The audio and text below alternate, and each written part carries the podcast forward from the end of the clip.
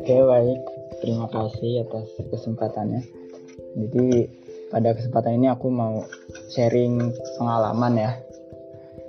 Ini pengalaman tahun kemarin, tahun 2019, pas baru selesai Spektra 4, spektranya dari dan kawan-kawan. Jadi waktu itu pas habis Spektra 4, besokannya itu aku langsung balik ke Palembang karena emang ada yang mau diurus di kampus. Jadi langsung balik besokannya naik bis dari Bandung ke Palembang. Udah naik bis kan dari Bandung. E, pas naik dari pool di Bandung tuh di samping kursiku masih kosong. Jadi masih santai. Karena itu habis spektra jadi kan capek banget. Masih kerasa lah capeknya. Jadi aku udah niat dari sebelum naik bis kayaknya selama perjalanan mau tidur aja. Pasang headset terus tidur lah sama perjalanan sampai sampai. Terus jalan dari Bandung nah pas sampai di Purwakarta bisnya tuh berhenti. Karena emang biasanya berhenti di Purwakarta terus naikin penumpang.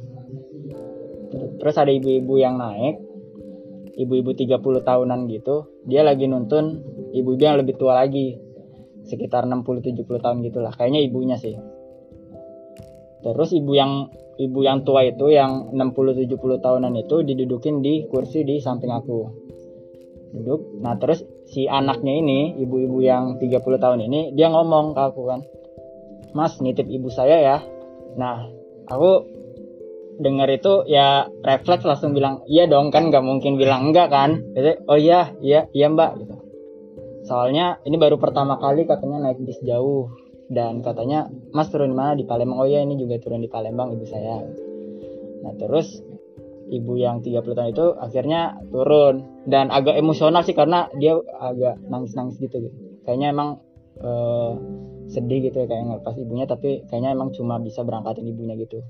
Kayaknya sih aku ngiranya kayak gitu. Akhirnya turun dan jalan jalan lah bisa dari Purwakarta gitu. Nah aku yang niatnya mau tidur sambil dengerin headset kan jadi nggak nggak enak gitu ya kalau masang headset gitu ya. Karena kan ada ibu-ibu tua juga di samping dan si ibunya juga lumayan suka ngobrol gitu. Dan nanya-nanya nanya-nanya ya aku gimana? Aktivitas segala macam tinggal di mana? Asli dari mana? Terus uh, ya nanya-nanya segala macam ngobrol-ngobrol dan sering setiap beberapa waktu dia nanya ini udah sampai di mana? Masih lama nggak? Gitu gitu. Ya akhirnya selama perjalanan itu aku mendampingi si ibu dan menjadi teman ngobrolnya lah. Akhirnya planning untuk uh, denger lagu sambil tidur batal gitu. Dan pas berhenti di rumah makan nemenin makan juga aku uh, coba ngeliatin pas nyebrang di kapal juga ngeliatin si ibunya gitu kan. Sampai akhirnya uh, nyampe di Palembang walaupun aku turun duluan karena tempat tempat berhenti aku uh, duluan stopnya gitu. Akhirnya akhirnya didampingin sama si keneknya lah dititipin sama keneknya setelahnya si ibunya. Karena belum nyampe sampai tempat pemberhentiannya. Nah dari sedikit peristiwa itu itu lumayan berkesan sih menurut aku karena itu aku cukup sering ya naik bis antar kota antar provinsi gitu tapi itu satu-satunya momen yang memang uh, cukup emosional gitu. Aku sampai di, ada ibu-ibu pertama kalinya ibu-ibu ngomong mas nitipin ibu saya gitu kan. Dan sampai sekarang tuh masih masih keinget gitu momen itu. Dan aku mendapatkan uh, hikmah lah pelajaran setelah dari momen tersebut aku teringat lagi hal yang sering disampaikan sama salah satu guru aku bahwa uh, ketika kita sebagai seorang muslim ingin istiqomah gitu ya seenggaknya kita membutuhkan dua hal eksternal yang uh, mana hal tersebut bisa mendukung kita.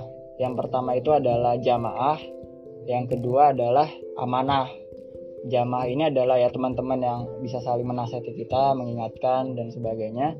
Amanah ini yang menguatkan kita gitu.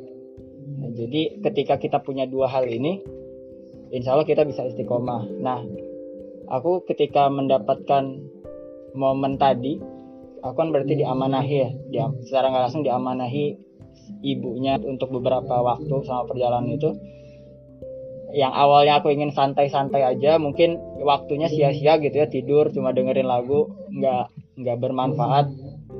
Tapi jadi ya seenggaknya ada hal yang bisa diingat dan dikenang dan menjadi hal yang bermanfaat gitu dari amanah tadi. Jadi aku memang jadi relate banget memang bener amanah itu memang bisa menjaga kita untuk istiqomah dan jauh dari kesia-siaan.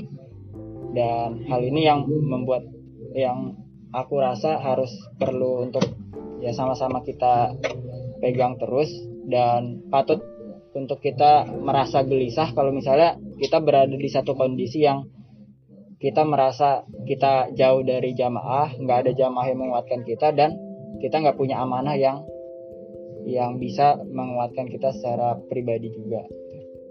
Jadi jamaah dan amanah ini adalah salah satu kunci untuk istiqomah.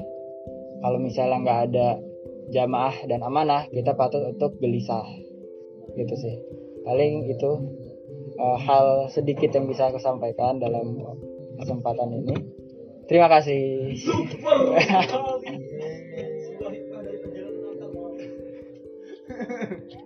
Kalau saya salah satu pengalaman mengambil amanah itu adalah dulu pada saat mengalami quarter life crisis.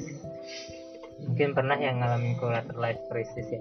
Dulu aku berarti berapa ya? Umur eh tahun 2016, 2016 awal-awal lulus pertengahan tahun gitu ya, mulai ngalamin quarter life crisis. Udah dapat gaji, udah bisa hidup terus what's next gitu sih sobat pikiran ya sobat pikir apa ya yang harus dilakuin apa yang harus dilakuin? Kayak terombang ambing gitu mempertanyakan hidup lagi gitu akhirnya. Aku hidup buat apa ya udah udah selesai maksudnya mungkin ya cukup udah bisa hidup dan sebagainya. Akhirnya waktu itu memang saya berpikir wah ini mau nggak mau perlu ada tambahan amanah. Makanya akhirnya saya memilih untuk menikah gitu ya. Memilih untuk mencoba oh ini kayaknya aku udah butuh nikah nih gitu kan. Karena sempat bertanya-tanya sih kenapa nikah setengah agama ya seberapa sepenting itukah menikah karena menganggap hidup ini kalau apalagi di Indonesia kayak sudah terpetkan gitu gitu ya. TK SD SMP SMA habis SMA lulus kuliah kuliah kerja.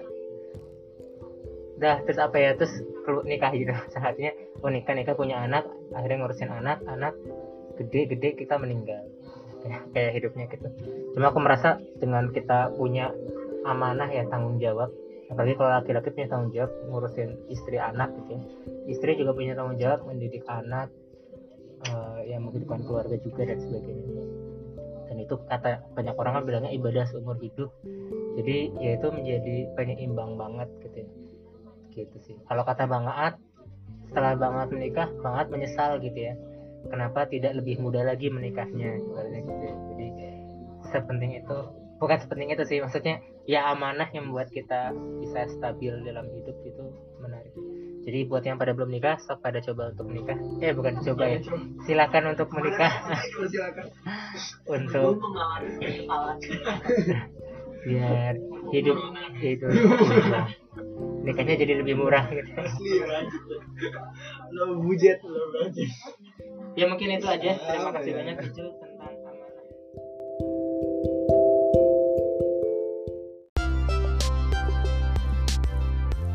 Jangan lupa untuk selalu lihat pagi-pagi sekitar jam 6 sampai jam 7 bakal ada postingan terbaru di Spotify Pojok Gedung Kai.